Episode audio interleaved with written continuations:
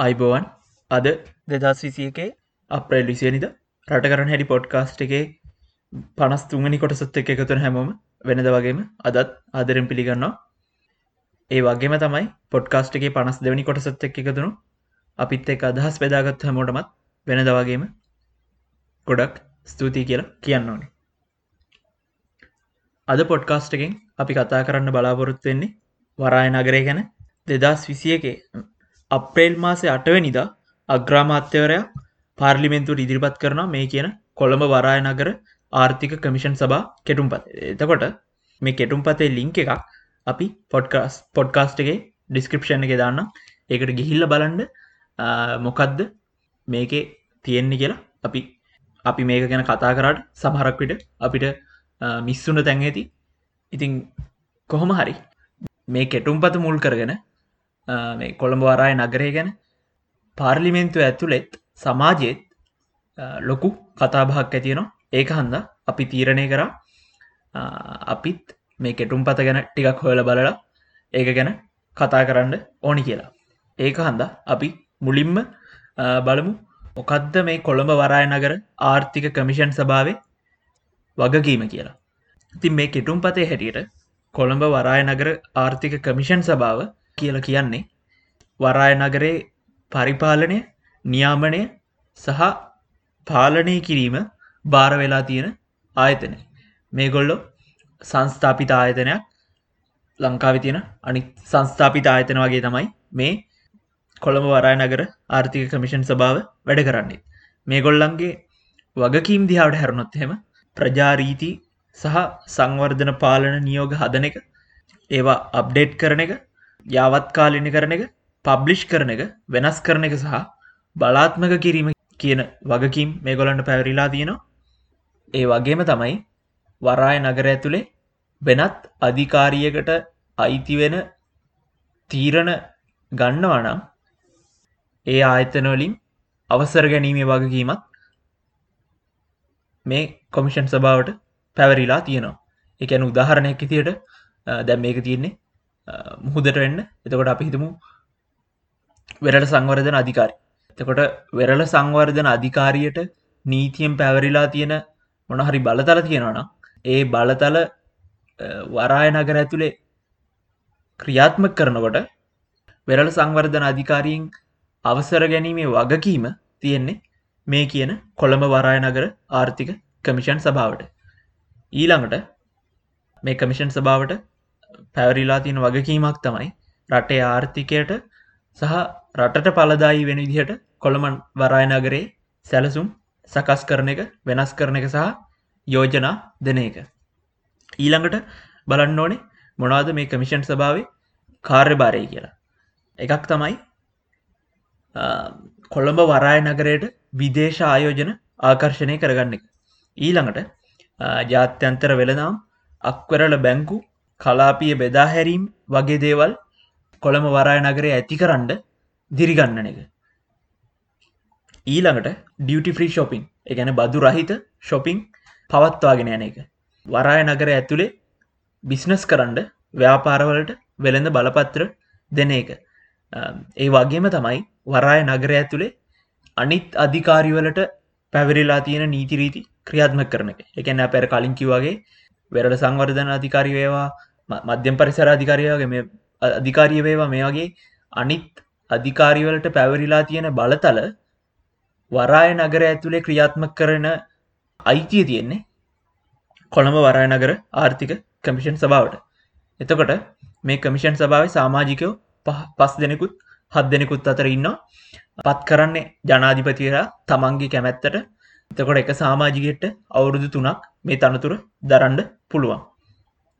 මේක නීතිය හැටියට කන්ෆලික්් of ඉන්ට්‍රස් තියෙන කට්ටියට ඒ අදාළ අවස්ථාවේ චන්දවලට සහභාගී වෙන්ඩ බැහැ කියලා. ඒ කියන්නේ අපිහිතම කවරහරි සාමාජිකයක්ගේ ව්‍යාපාරයකට බලපත්‍ර ලබා දෙනාද නැද්දි කියලා කමිෂන් සභාව ඇතුළේ චන්දයක් තියෙනවා.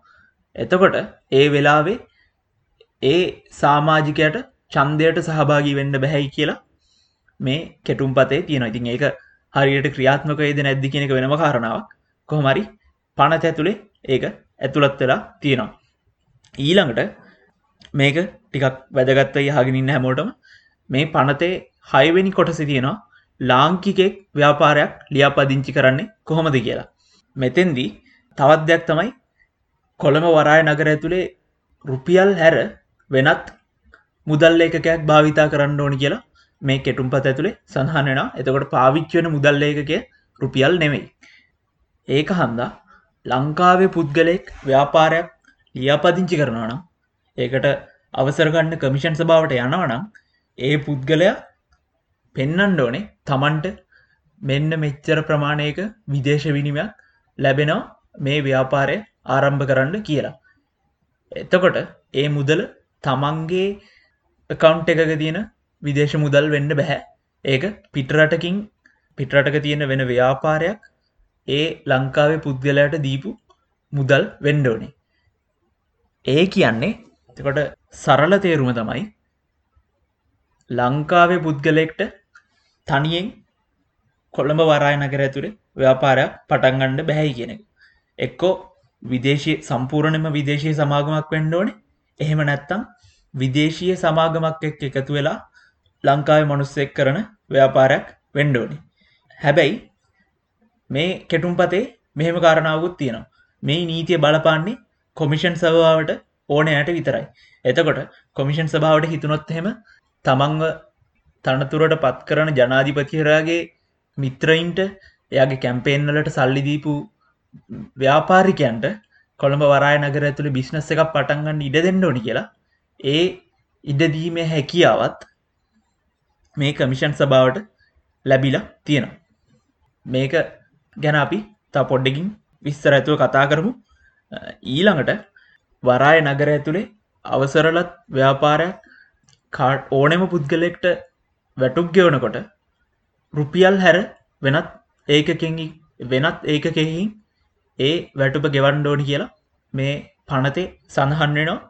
හැබැයි ලංකා මිනිස්සුන්ට වරය නගර ඇතුළට ගිහිල්ලා රුපියල් වලින් බාණ්ඩ හා සේවාවල් ලබාගණ්ඩ පුළුවක් ඒ වගේම තමයි රුපියල් වලින් බාණ්ඩ හා සේවාවල් ලබාගත්තර පස්සේ ඒ මුදල් බැංකුවට යනකොට ඒවා විදේශය මුදල් ඒකකවලට කන්වර්ට් වෙන්ඩෝනි කියලා මේ කෙටුම්පත ඇතුළේ සඳහන් වෙනවා. එතකොට මේක අපි කිව්වාගේ පරාය නගර ඇතුළි තියෙන සේවාවල් බදුවලින් නිදහස්. හැබැයි වරය නගරෙන් එලියට ආයි ලංකාවට එනකොට ඒකට අදාළ වෙන බදු ගෙවන්ඩ සිද්ධ වෙනවා කියලා පනතේ සඳහන් වෙනවා. ඒ වගේම තමයි පරයි නගර ඇතුළේ විදේශ බැංකුවලට ව්‍යාපාර කරන්න පුළුව ඒ වනාට ඒගොල්ලන්ට ලංකාවේ මේ වෙනකොට තියෙන බැංකු පනත බලපාන්නේ නැහැ. ඒ වෙනුවට ඊට උඩින් තියෙන වරාය නගර ඇතුළේ බැංකුවලට ඊට උඩින් තියෙන නීතිය තමයි මේ කමිෂන් සභා කෙටුම් පත. ඊළඟ කාරණාව තමයි නඩු කටයුතු වලදි වරාය නගර ගැටලුවලට ප්‍රමුඛතාවේ දෙන්නඩෝනි කියන එක. ඒ කියන්නේ මේ නඩු සිද්ධ වෙන්නේ ලංකාවේ අධිකරණවලමයි. හැබැයි ඒ නඩු විභාගයට ගන්නකොට අධිකරණය ඒ වෙලාවේ වෙන මොන නඩු විභාගුණත් ඊට උඩ ප්‍රමුඛතාවයක් ඊට වැඩි ප්‍රයෝරට එකක් මේ බදු ගෙවන්නේ නැති වරාය නගරේ ව්‍යාපාරවලට දෙන්ඩෝනි කියලා මේ කෙටුම් පතේ සඳහන් කරලා තියෙනවා. ඒක සාධාරණී කරණය කරන්න හේතුවකුත් මේ කෙටුම් පතේ තියෙන එකොල්ල කියන්නේ මේ ලංකාවට බිස්නස් ගෙන්න්න ගන්න නම් ඒගොල්ලන්ට නඩු කටයුතු මීට අඩි ඉක්මට ඉවර කරලා දෙන්නඩෝනේ කියන එක. ඒවාගේම තමයි මෙතන තියෙනවා නීතිීඥවරෙක්ට පෞද්ගලික හේතු මත අධිකරණයට පැමිණීමට නොහැකිවීම නඩු කල් දැමීමට හේතු නොවී යුතුයි කියන එක. මේක බදු ගෙවන ලංකාව සාමාන්‍ය මනුස්සයට මේ බලපාන්නේ නැත්තේ ඇයි කියන කාරණාව ගැන අපි පොඩ්ඩක් ප්‍රශ්න කරන්න ඕනේ. සහ මෙහෙම දැන් මෙහෙම නීතියක් දාන්නේ එකොලන්ට තේරෙනවාන මේ ලංකාව මේ වෙනකොට අධිකරන පද්ධතිය ස්ලෝ කියලා. එහෙම තේරෙනවා නම් ඇයි ලංකාව සාමාන්‍ය මිනිස්සුන්ටත් මේ වගේ වේගවත් අධිකරණ පද්ධතියක් හදන්ඩ කිසිම වුවමනාවක් නැත්තේ. ඒ වෙනම කාරණාව කොහොමරි ඊළඟට මේ කෙටුම් පතේ සඳහන් වෙන කාරණා තමයි අවුරුදු පහක කාලයක් වෙනකං එකන්නේ මේ වරාය නගරයට සම්පූරණයෙන්ම මේ වරාය නගරේ වැඩකටයුතු සම්පූරණයෙන් අවසං වෙනකම් වරාය නගර ඇතුළේ ලියාපාදිංචි කරන ව්‍යාපාරවලට එයින් පිට වනත් වැඩ කරන්න පුළුවන් කියන එක. ඒ කියන්නේ අපි හිතමු එක් කියල ව්‍යාපාරයක් තියෙනවා. ඒගොල්ලෝ පනත සම්මත වුණ දවසට පහෝදා තමන්ගේ ව්‍යාපාරය ලියාපාදිංචි කරගන්න හැබැයි තාම කොළඹ වරය නගරේ බිල්ඩින් හදලනෑ වගේ මොකක් හරි ගැටලුවක් තියෙනවා. එතකොට ඒගොලන්ට පුළුවන් කොළඹ වර්ල් ට්‍රේඩ් සෙන්ට එක හරි ඒ වගේ වරාය නගරෙන් පිට තියෙන තැනකිඳගෙන වරාය නගරේ ඇතුළේ ඉන්නවා වගේ අවුරුදු පහක කාලයක් වෙනකම් තමන්ගේ බිස්නස් කරගෙන අන්න එතකොට ඒගොල්ලන්ට බලපාන නීතිය තමයි මේ කියන කොළඹ වරාය නගර ආර්ථික කමිෂන් සබා කෙටුපත. මේ පනත.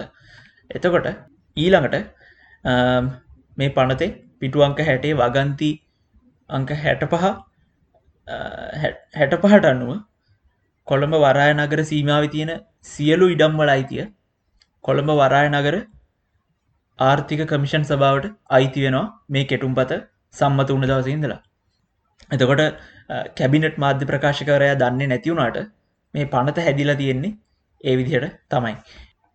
ඉතින් මේක තව විස්තර ගොඩක් තියනවා. අපි ලිංක එක දාලා තියෙන්නේ. ගිල්ලා කැමතියට ඒක බලන්ඩ පුළුවන්. ඒක තමයි මේ කෙටුම්පතේ අපි දකින විදිහට වැදගත්ම කොටස් ටික. ඊළඟට අපි බලන්ඩෝන මේක කොහොමද බලපාන්නි කියන කාරණාව. රටට කොහොමද මේක බලපාන්නි කියන කාරණාව. දැන් මේ කෙටුම්පත ඇතුළේ හැම තැනම තියෙන වාක්‍ය කණ්ඩයක් තියෙනවා වාක්‍ය කොටසක් තියෙනවා.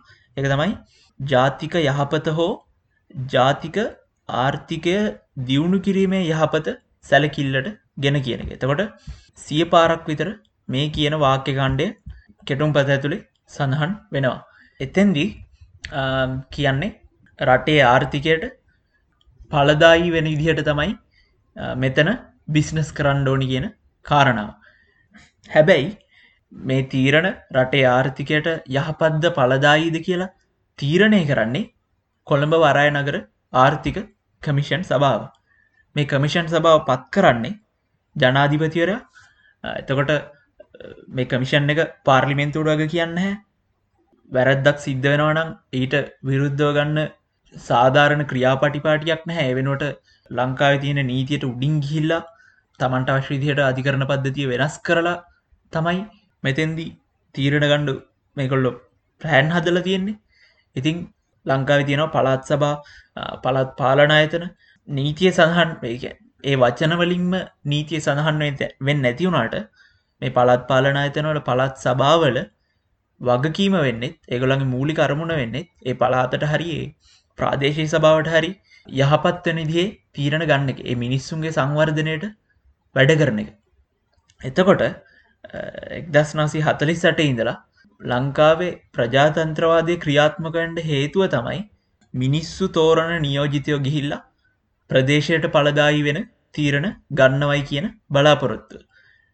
එහෙම පලදායි වෙන තීරණ ගන්න නැත්තම් ඊළඟ චන්දෙක් පරදිනවා.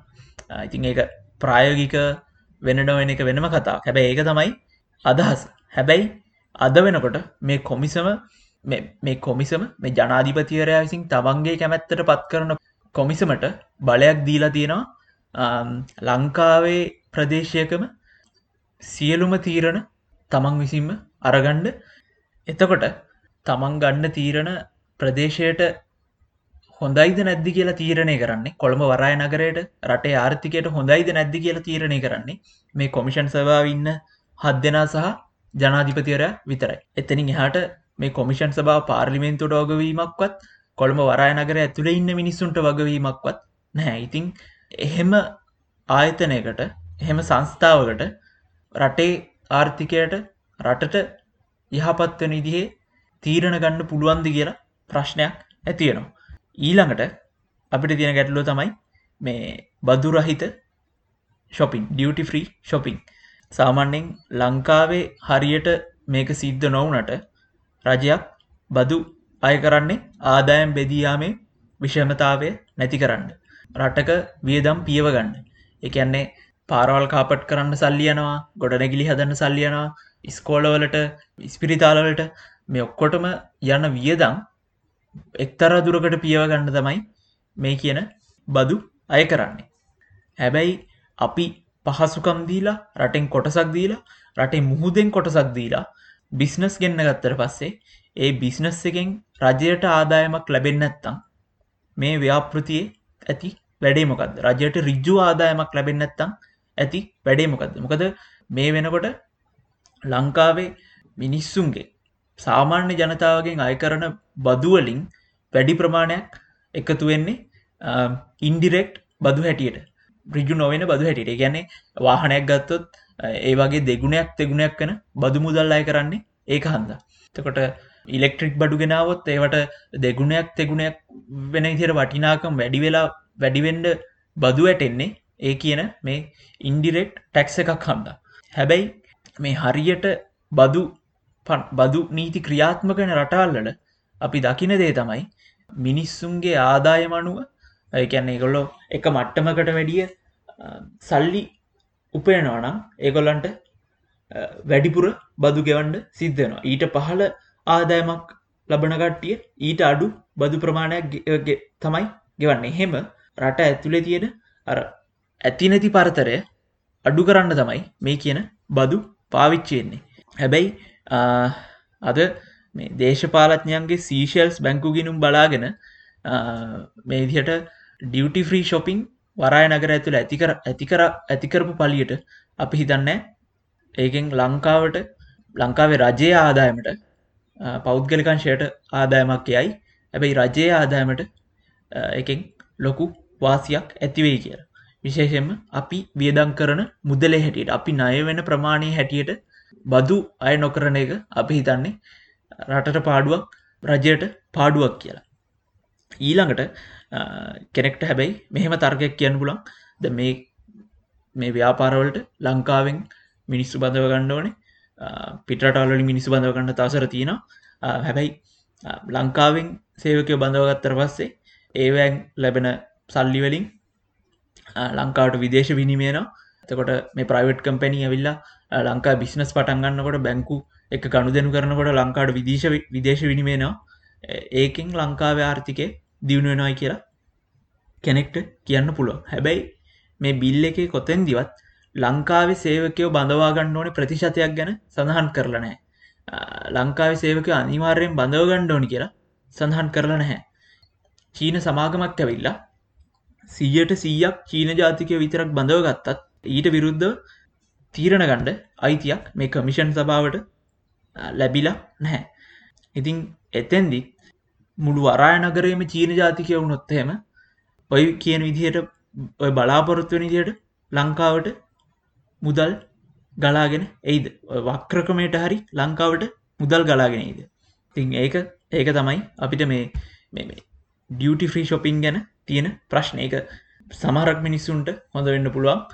වරය නගරයට ගිහිල්ලා ඩියටි ෆ්‍රී ෆිල්ම් එකක් බලල කැසිනෝයකට ගිල්ලා ඔට්ටු දාලා ආයි ආයෙන්ඩ එහෙම හැකියාව තියෙන මිනිස්සුන්ට මේක හොඳ වෙන්න පුළුවන්. හැබැයි ඒක බර පැට වෙන්නේ මේ ව්‍යාපෘතිය හන්ද නයවුණ ලංකාවේ රජයට ලංකාවේ මහජනතාවට ඊළඟ කාරණාව තමයි මේ පනත හැටියට රුපියල් පාවිච්චි කරන්න බැහැ වරායනකර ඇතුළේ විදේශ මුදල් විතරයි පාවිච්චි කරන්න පුළුවන් වෙන්න. ඇගැනේ ලංකා මිනිස්සුන්ට කියලා රුපියල්ලින් වියදන් කරන්න පුළුවන්. හැබැයි ඊට පස්සේ සිද්ධවන හැම ගණු දෙනුවක්ම බැංකු එක්ක සිද්ධන හැම ගණු දෙනුවක්ම සිද්ධ වෙන්ඩෝනේ විදේශ මුදල්ලඩින් තිං විදේශ විනිමේ කියන එක රටකට ඕනේ විදේශ ආයෝජන කියන එක රටකට ඕනේ. හෙම නැතුව අපි වගේ රටකට දියුණුවෙන්න ටිකක් අමාරුයි. හැබැයි ගැටලුව තියෙන්නේ ඇයි ලංකාවේ මනුස්සෙක්ට වරායනගර ඇතුළේ බිස්නස් එකක් පටන්ගන්න බැරිවෙන ඉතියට මෙහෙම නීති දාලා තියෙන්නේ කියන කාරණාව ලංකාවේ මිනිස්සුන්ගේ ව්‍යාපාර විතරක් බදු ගෙව්වට කමක් නැද්ද. විදේශ ව්‍යාපාර ඇවිල්ලා ඒගොල්ලන්ගේ ව්‍යාපාර ටික බදු ගෙවන් නැතුව කරගෙන ගියට කමක් නැද්ද. ඉතින් මෙතැන්දි තමයි අර මුදල් විශුද්ධි කරණය කියන ගැටලුව එන්නේ. ඒක මුල් කරගෙන තමයි අර ඇමරිකාවේ තානාපතිනිය කියන්නේ මේක මේ ව්‍යාපාරය හොඳ දෙයක් නෙවෙයි කියලා. ඉතිං සාමාන්‍යෙන් කළු සල්ලි සුදු කරන්න කෙනෙක්ට තියෙන ලේසිම ක්‍රමයක් තමයි ඒ මුදල් පිටරටක ව්‍යාපාරවලට යොදවන එක. එතකොට ඒ මුදලට හරියන්න විදිහට ව්‍යාපෘතියක් පටන් අරන්තියනවා ඒ මුදල සමාජය ඇතුළේ සංසරණය වෙලා තියෙන ඒකින් නිෂ්පාදනයක් ඇතිවෙලා තියෙනවා. එතකොට අර එතකොට ඒ කළු සල්ලි ටික සුදු වෙලා තියෙනවා. මෙතෙන්දි අපි හිතන්නේ මේ මේ ටැක්ස් ෆ්‍රී කලාපයක් ඇති කරහම එතෙන්ට මේ කියන කළු සල්ලි සුදු කරන ව්‍යාපාරිකයෝ ගලාගෙනෙන්ට පුළුවන් චාන්ස එක වැඩි. ඉතිං මේක තව තව කොටසක් තියෙන අපි ඒක අන්තිමටම කතා කරමු. ඊළඟට අපිට තියෙන ගැටලුව තමයි මේ නඩුවලට වරාය නගර ඇතුළ තියෙන නඩුවලට ප්‍රමුඛතාවය ලබා දෙන එක. රටේ ව්‍යවස්ථාවෙන් පිළිගත්ත දෙයක් තමයි නීතිය ඉදිරියේ හැමෝම සමානයි කියන කාරණ එක ජනාධිපතියරයටත් රටේ පුරවැසියටත් බලපාණ්ඩ ඕනි. හැබැයි ඒක බල නොපාන කොට්ටාශයක් තමයි මේ කියන ලංකාවේ රජයට බදු නොගෙවන වරාය නගර ඇතුළ තියෙන ව්‍යාපාර. එයාලට අපි කලින් කිව්වාගේ ඉක්මන්ට මේ නඩුකට යුතුට කියවර කරලා දෙන විදිහට නීති වෙනස් කරන්න මේ පනතෙන් යෝජනා කරලා තියෙනවා. ඊළකට අපිට තියෙන ගැටලෝ තමයි මේ ඉඩම්වල අයිතිය කොළඹ වරායනගර ආර්ථික කමිෂන් සභාවට යන එක. මේ පනත සම්මත වුණ දවසිඳලා ඉදිරියට වරාය නගරේ තියෙන ඉඩම්වල අයිතිය පැවරෙන්නේ කමිෂන් සභාවට. එයාල තමයි තීරණය කරන්නේ මේ ඉඩම් බදු දෙන්නේ කාටද? ඒවා විකුණන්නේ කාටද කියන කාරණා ඉතිං වාල මෙතකොට හිතාගන්න මේකෙන් රටේ ස්වාධීන බවට හානියක් වෙනවාද නැද්ද කියන කාරණාව. අපි කිව මේ අන්තිමට කළු සල්ලි සුදු කරනෙක් ගැන අපි කතා කරන්න ඕන කියලා ඒක ගැන කතා කරනකොට අපි මුලින්ම හැරිල බලන්ඩ ඕනේ ලංකාවේ වෙළඳ කලාප දිහාවට ජයාර්ජාවර්ධන වෙළඳ කලාප පටන්ගන්නකොට එතැන්දි සැලැස්ම වනේ විදේශ ආයෝජන හරහා ලංකාවේ විදේශ විනිමේ වැඩි කරන්න සහ රැකී අවස්ථා වැඩි කරන්න. එතකොට ඇත්තටම පිටිම් බැලුහම විශාල ආදායමක් ගෙන බිලියන් ගණනක ඉන්ඩස්ට්‍රගත් තමයි මේ වෙළඳ කලාප ඇතුළේ තියෙන්නේ. විශාල රැකයා ගණනාවක් ඇති කරන ආයතන මේ වෙළඳ කලාප හන්ද ලංකාව ඇතුළේ ඇති වෙලා තියෙනවා. හැබැයි මෙතෙන්දී අපි අමතක කරන දේ තමයි මේ වෙළඳ කලාප ඇතුළේ අපිට තියෙන වියදම ඒගැනේ මෙ ගොඩ නැගිලිවලට යන වියදම අමුද්‍රව්වලට යන වියදම නෙවේ එතනින් එහාට ගිල්ල මේ වගේ ව්‍යාපාර පවත්වගෙන ඒව කරගෙන යන්න තියෙන මනුෂ්‍ය වියදම හියමන් කෝස්ට එක. මේ වගේ වෙළඳ කලාපලට මේ ව්‍යාපාරවලට විශේෂෙන්ම බටහිර රටාලොල අයිතිකාරය ඉන්න ලංකාව තියෙන ඇඳුම් මහන ව්‍යාපාර වගේ දේවල්ට බටහි රටාලල කියන්නේ ස්වට් ෂොප්ස් කිය ඒක ලංකාවි තියෙනවා ඉන්දියාව බංගලාදේශ් චයින. මේ වගේ ආසියාවේ අඩුවාදායම් තියෙන රටවල්වල තියෙන මිනිස්සුන්ගේ ශ්‍රමය පාවිච්චි කරලා බණ්ඩ නිෂ්පාදනය කරන තැන්වලට තමයි මේ ස්වට් ෂොප් කියන වචනේ පාවිච්චි කරන්න. ඉතිං මේකට හේතු වෙන්නේ ගොඩක් බටහි රටවල්වල අවම ආදායම හරිමිහෙලයි එකැනේ එයට අදාළ නොවෙන් රටවල් තියෙනවා. දකුණු ඇමරිකානු රටවල් ඇමරිකාව වගේ රටල්ලල තියෙන්නේ අඩු අවම පැටුප් ප්‍රමාණයක්. හැබැයි යුරෝපිය රටල්වලට හාම කැනඩා වගේ රටල් ඇතකොට පැසිෆික් රටවල් දිහාවට හැරුණහම ඒ රටවල්ලල මනුස්ස ශ්‍රමයට පැයකට ගෙවන්ඩෝනේ වටිනාකම ගොඩක් ඉහලයි ඉතිං ඒකත් එක්ක සංසන්ධනය කරනකොට ඇත්තටම ඒ කම්පැනිවල අයිතිකාරයන්ට ඊට වැඩිය ලාබයි චීනි හරි ලංකාව හරි බංගලදේශල හරි සෙට්ෂොප් එකක් පටන් අරගෙන ඒ මිනිස්සුන්ට අඩු ආදායමක් ගෙවල ඒ හදන නිෂ්පාදන ටික නැව්වලින් හරි ප්ලේන් එකෙන් හරි ආය නැවතත් බටහි රටවල්වලට ප්‍රවාහනය කරන එක. ඉතිං ඒ ප්‍රවාහණයට යන්න වියදමෙන්ම අපිට හිතාගන්න පුළුවන් ලංකාව වගේ චීනය වගේ රටවල්වල ස්වච්ෂොප් පටන් අරගෙන කොච්චර ලාබලවන්ඩ මේ යුරෝපිය සමාගම්වලට ඇමරිකානු සමාගම්වලට පුළුවන්ද කියලා. ඒක හන්ද තමයි ඒගොලන් මේ ඒ රටවල් ඒ කම්පැනිවලට පුළුවන් වෙලා තියෙන්නේ තමන්ගේ නිෂ්පාදනවල විකුණන මුදල පුළුවන් තරම් අඩු කරන්න. හැබැයි එක ඒ ඒ කම්පැනිවලට හොඳ වුණාට ලංකාව වගේ රටල්ලට ඒක කොහොමද බලපාන්නේ?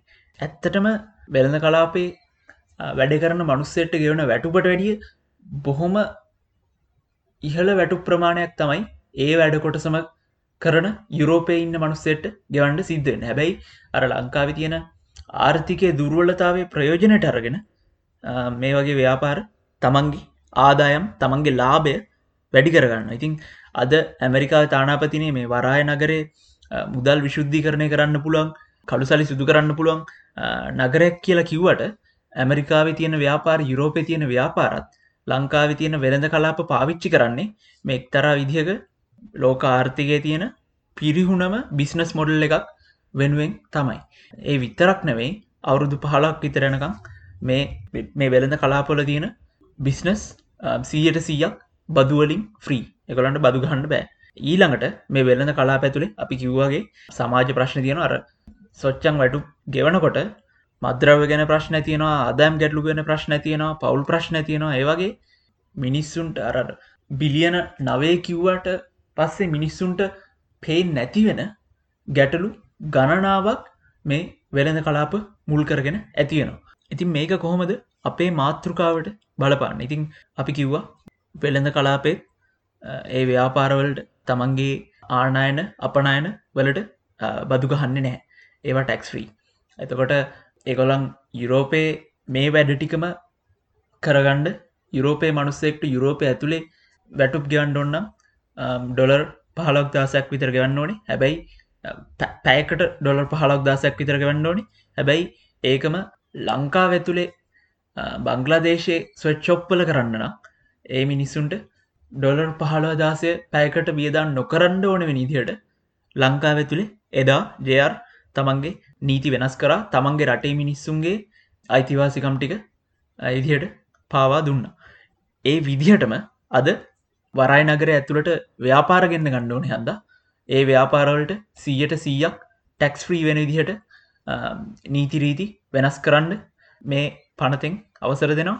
එතකොට වරයි නගර ඇතුළේ වැඩට යන මිනිස්සුන්ගේ කම්කරු අයිතිවාසිකම් ටික නැති කරන්න මේ පනත ඇතුළෙන් අවසර ලැබෙනවා. තකොට තමන්ට අවශ්‍ය නිදියට ලංකාවේ නීති පද්ධති තියෙන ප්‍රොසෙස් එක වරාය නගරයට විතරක් ගැලපෙනිදියට ස්පීඩ් කරවගන්න වේගේ වැඩි කරවගන්න මේ පනත ඇතුළෙන් අවසර ලැබෙනවා ඉතිං ඒකත් එක්ක අපි හිතනවා විදේශ විනිමය එන්න පුළුවන් ලංකාවේ දැනට තියෙන වෙළඳ කලාපොලට රුපියල් බිලියන් ගණනින් ආදායම් එනවා වගේම මේ වෙළඳ කලාපයටත් පිටරටලින් බැංකු වෙනකොට පිටරටලින් ව්‍යාපාරෙනකොට බිලියන් ගණනින් ආදායම් එන්ඩ පුළුවන්.